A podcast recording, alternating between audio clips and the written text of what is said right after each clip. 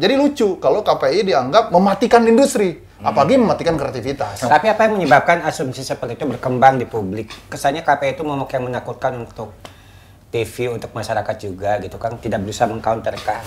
Welcome to Cameo Project. Sekarang langsung pencet tombol subscribe ya. Jangan lupa pencet tombol lonceng biar dapat notifikasi. Cuy, acak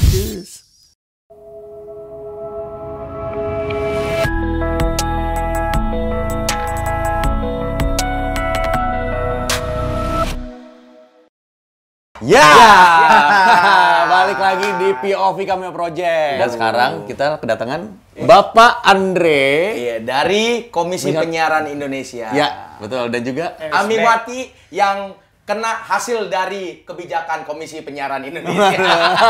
Kita mau tanya dulu kepada Uda Andre. Aha. Di mana posisi KPI hari ini nih? Iya. Ya KPI sebagai lembaga negara independen ya. Artinya tidak boleh ada intervensi siapa pun dalam hal ini merintah atau apa pun lah. Itu pemilihannya pun kan di DPR. Jadi dipilih oleh DPR RI, kemudian 9 komisioner ini dibagi dalam dalam tanggung jawabnya masing-masing. Tugasnya sederhana aja, melakukan pengaturan terhadap eh, lembaga penyiaran. Ada enam kewajiban KPI. Salah Ya. satu adalah mengatur infrastruktur penyiaran.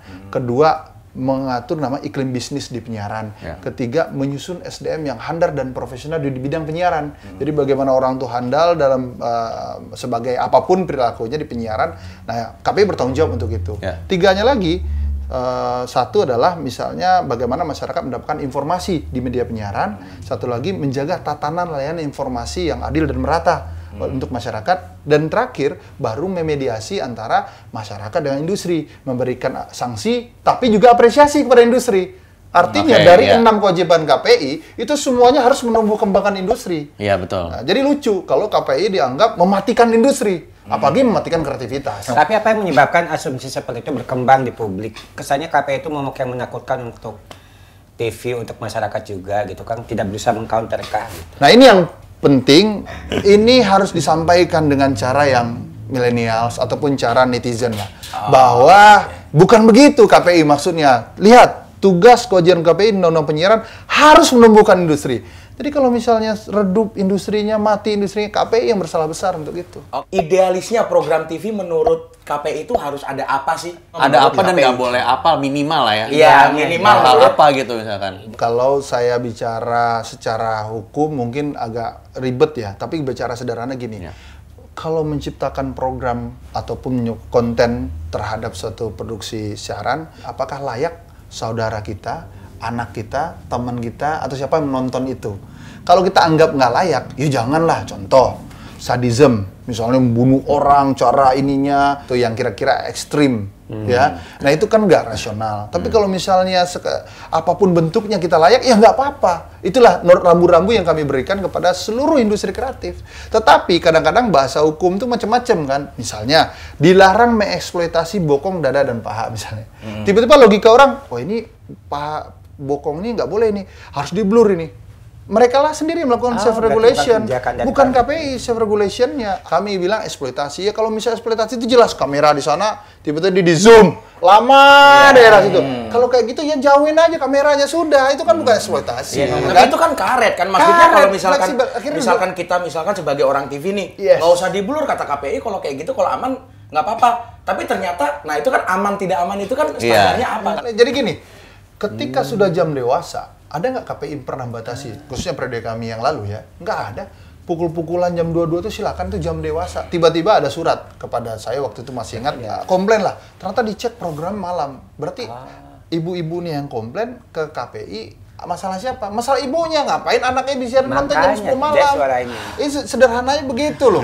Berarti emang ada miskom, gara-gara blunder gini ada miskom gitu Iya, kan, emang. loh. tapi apakah itu pernah disosialisasikan kepada karena saya Ini saya sosialisasi. mantan mantan kreatif nih kreatif. TV Oh, iya, iya, mantan iya. ta- saya dulu tidak pernah ada pembicaraan mengenai itu Betul. Ini yang menjadi masalah yang kadang-kadang saya juga bingung dari mana harus Yap. memulainya. Yap. Nah, mudah-mudahan dari kami project inilah, Iya. Om Bob. Jadi dengan cara menurut saya kita ada kode, ada P. P Iya. itu pra- adalah usia anak 2 sampai 6 tahun. Semua Iya. TV tahu tuh. Misalnya remaja 13 plus, 12 remaja 13 bisa 13 ke atas. Iya. Iya. Terus kalau udah jalan D, dewasa ya kan udah jelas itu kan artinya jam 22 ke atas ya iklan rokok boleh, bicara seks boleh, termasuk yang katanya yang um, uh, mistik, mistik seperti apa? Iya. Mistik yang seperti jam 22 kan gitu. Saya adalah eh, salah satu orang yang pernah dipanggil ke KPI juga. Waduh. bareng suka bareng cinta sama terus. Aming.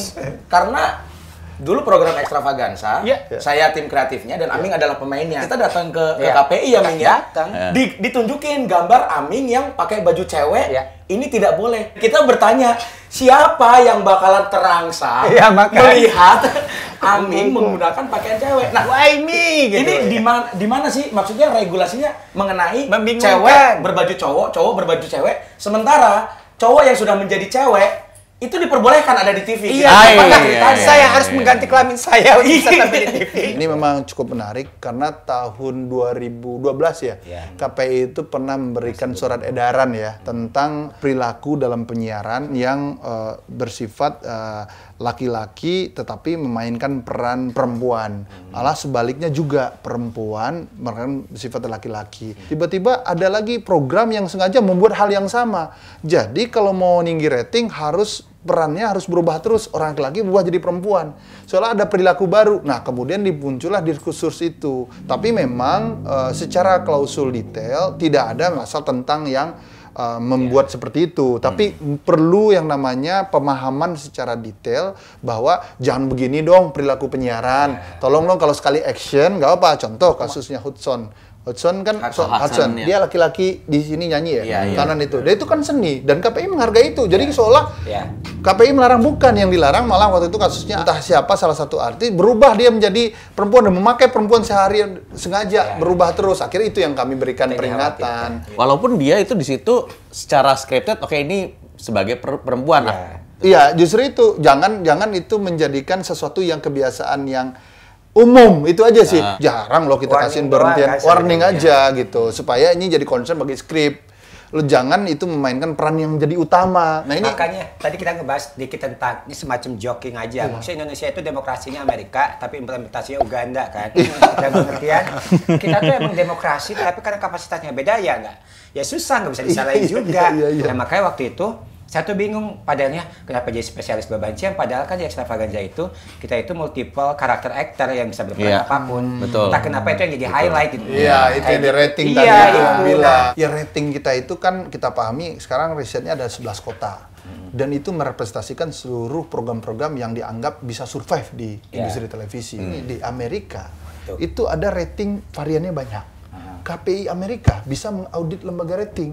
Di kita, kita nggak bisa nggak bisa mengaudit itu. Jadi siapa sih yang mengaudit lembaga rating sekarang di Indonesia? Ada Nggak ada, nggak ada. Nggak bisa diaudit atau belum Nggak ada yang mau ada. ratingnya apa? Undang-undangnya, undang-undangnya kalau diperbaiki di penyiaran yang baru, yang draft yang baru yang akan datang Ya, nih ke ah. itu bisa. Sekarang gini, kita nggak bisa nyalahin lembaga rating juga karena dia hanya dia yang bisa dipercaya saat ini dengan pola 11 kota yang dilakukan Iya, survei. Kalau mau betul. lagi lembaga lain, ya silakan. Cuma bagaimana pemerintah membuat, ayo dong bikin banyak lembaga rating tentang ini kayak survei politik lah. Makanya. Itu siapa Iya. yang bisa membuat itu menjadi banyak? Ya kalau ada regulasi siapa pun yang pengen ya siapa pun boleh, Makanya. tetapi diatur. Itu aja pertanyaan. Maksudnya I was questioning like, ini orang-orang kayak gini tuh punya kompetensi nggak sih buat bikin kayak gini itu loh? Saya berharap begini, kalau boleh lembaga rating itu KPI sendiri yang ngerjain. Kita punya alat sendiri. Kayak namanya follower, subscriber, apa kan ada rigid. Iya. Jadi transparan, akuntabel seluruh Indonesia bukan hanya 11 kota. Kan Daerah membangun infrastrukturnya itu butuh Iya. budget awal lagi kan kalau begitu. Sekarang kalau misalnya semua digital,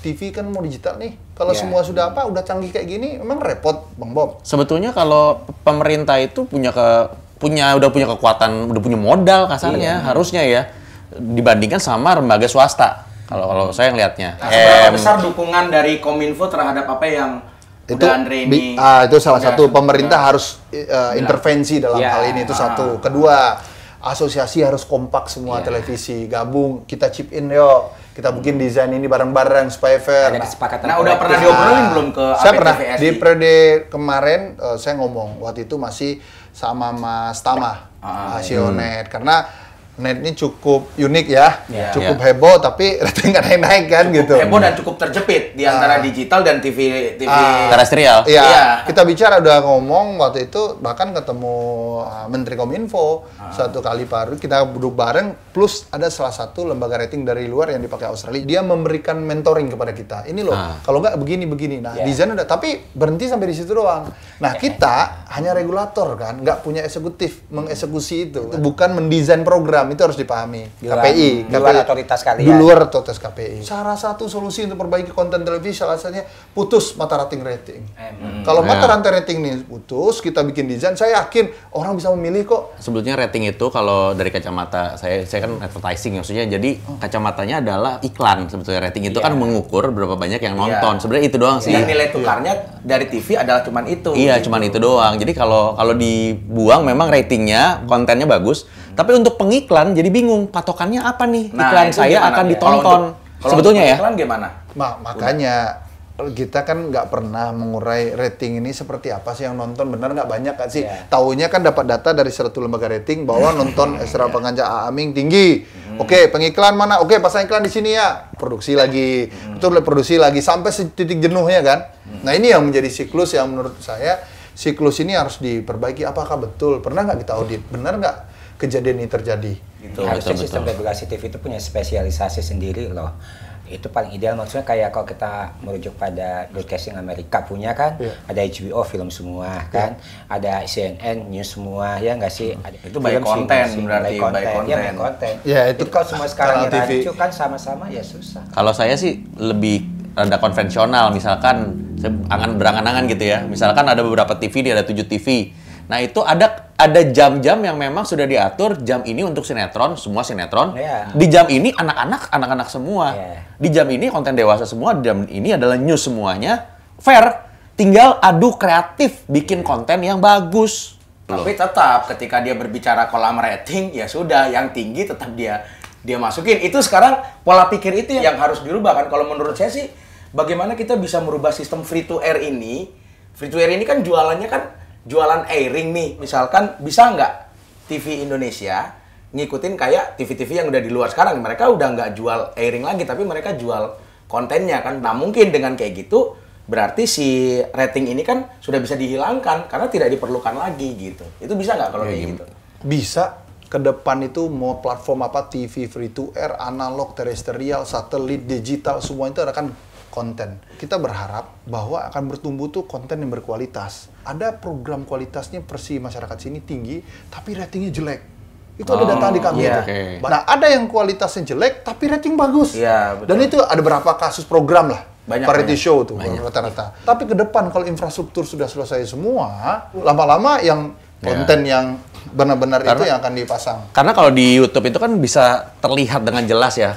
Misalkan gini, jadi kalau misalkan sebuah konten itu eh, SES-nya berdasarkan apa yang apa siapa aja yang menonton itu ada. Analitik channel analitik, gitu ya? analitik channel gitu berapa lama ditonton misalkan kita punya konten 10 menit Ya. tapi dia berapa lama nih eh, rata-rata orang menonton di situ Ya. apakah 50% 60% 70% Ya. dan juga di menit keberapa nih yang peaknya kan Ya. biasanya kan hampir sama sebenarnya sama rating Iya, iya. seperti itu jadi eh, terlihat banget gitu loh Sebenarnya infrastruktur itu sudah bisa dibikin di sini, kenapa tidak bisa dibikin di free to air? Tuh sudah Iya. ada contohnya seperti ini, misalkan kayak gitu kan? Iya, ke depan juga teknologi juga akan digital semua kan. Digitalisasi TV-TV akan ya yang TV flat nggak perlu pakai antena lagi, kayak handphone aja bisa terima sinyal di mana saja. Artinya apa?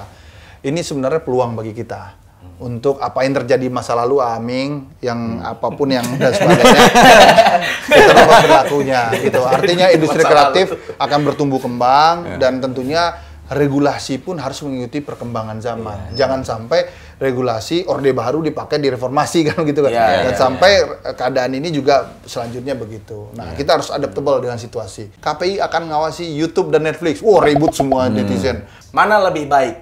Ada Aming yang berpakaian seperti Aming kemarin-kemarin itu bebencongan lah orang bilang kayak gitu. Atau ada satu orang yang saya pikir dia adalah laki-laki tapi sudah melepaskan semuanya, akhirnya menjadi wanita dan boleh ada di TV. Mana yang boleh ada di TV? Lu cinta Luna maksud lu? Waduh.